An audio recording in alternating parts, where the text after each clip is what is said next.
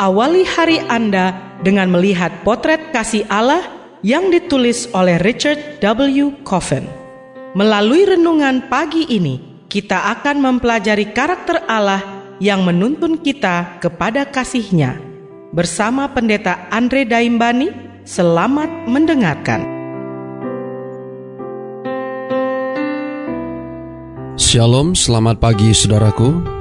Renungan pagi kita hari ini 29 Agustus berjudul Orang Kecil Hati Besar.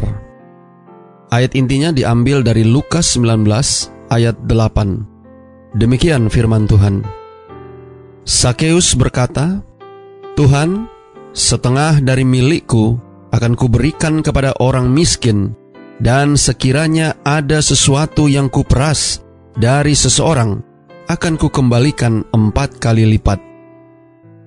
Mari kita dengarkan penjelasannya. Ini adalah satu dari kisah-kisah yang kita dengar sejak dalam ayunan atau taman kanak-kanak, yaitu kisah Sakeus.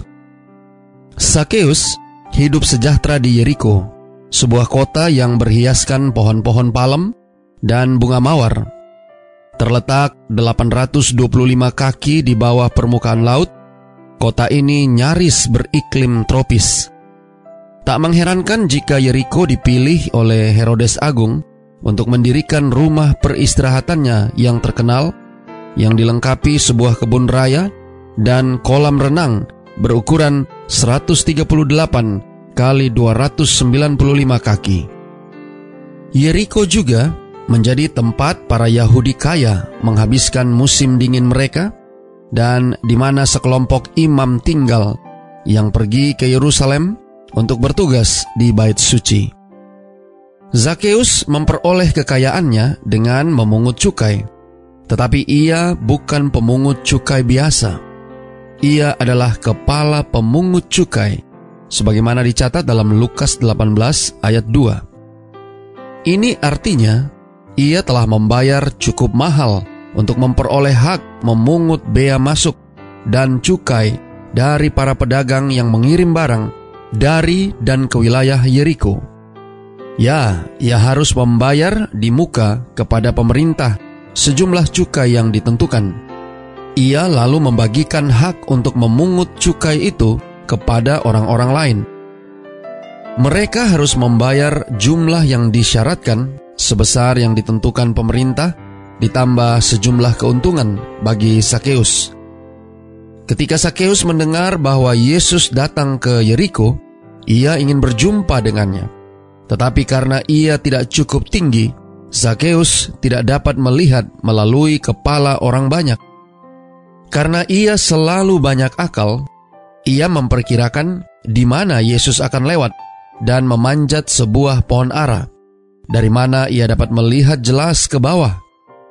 Yesus melihat Sakeus yang sedang bertengger dan berkata, Sakeus, segeralah turun, sebab hari ini aku harus menumpang di rumahmu. Sebagaimana dicatat dalam ayat yang kelima. Yesus yang hendak berkunjung ke rumah Sakeus pastilah mengejutkan. Tapi ia merosot turun dari pohon dan berkata kepada Yesus, Tuhan, setengah dari milikku akan kuberikan kepada orang miskin. Dan sekiranya ada sesuatu yang kuperas dari seseorang, akan kukembalikan empat kali lipat. Sebagaimana dicatat dalam ayat yang ke-8. Maksudnya adalah, ia selalu berusaha untuk lurus dalam menjalankan pekerjaannya, tapi jika ia tak sengaja mengambil lebih dari yang seharusnya, maka ia akan mengembalikan empat kali lipat. Sebagai tambahan, ia menyumbangkan 50% dari hartanya untuk orang miskin. Saudara-saudara yang kekasih di dalam Tuhan, terkesan oleh ketulusan dan kemurahan hati Sakeus, Yesus mengumumkan, "Hari ini telah terjadi keselamatan kepada rumah ini," dan menyatakan Sakeus sebagai anak Abraham dicatat dalam ayat yang ke-9. Perbuatan baik dan penata layanan yang setia tentu saja tidak mendatangkan keselamatan, tetapi memiliki ganjarannya.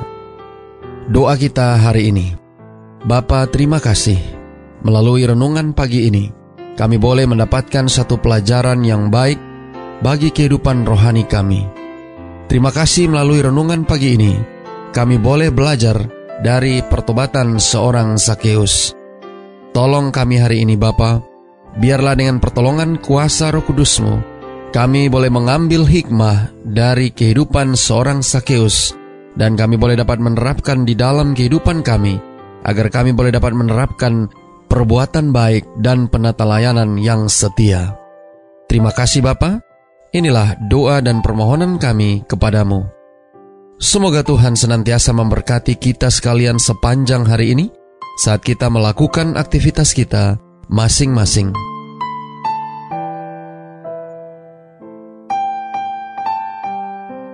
Demikianlah tadi pembahasan tentang potret kasih Allah. Semoga firman Tuhan hari ini dapat menjadi berkat bagi Anda. Sampai jumpa, Tuhan memberkati.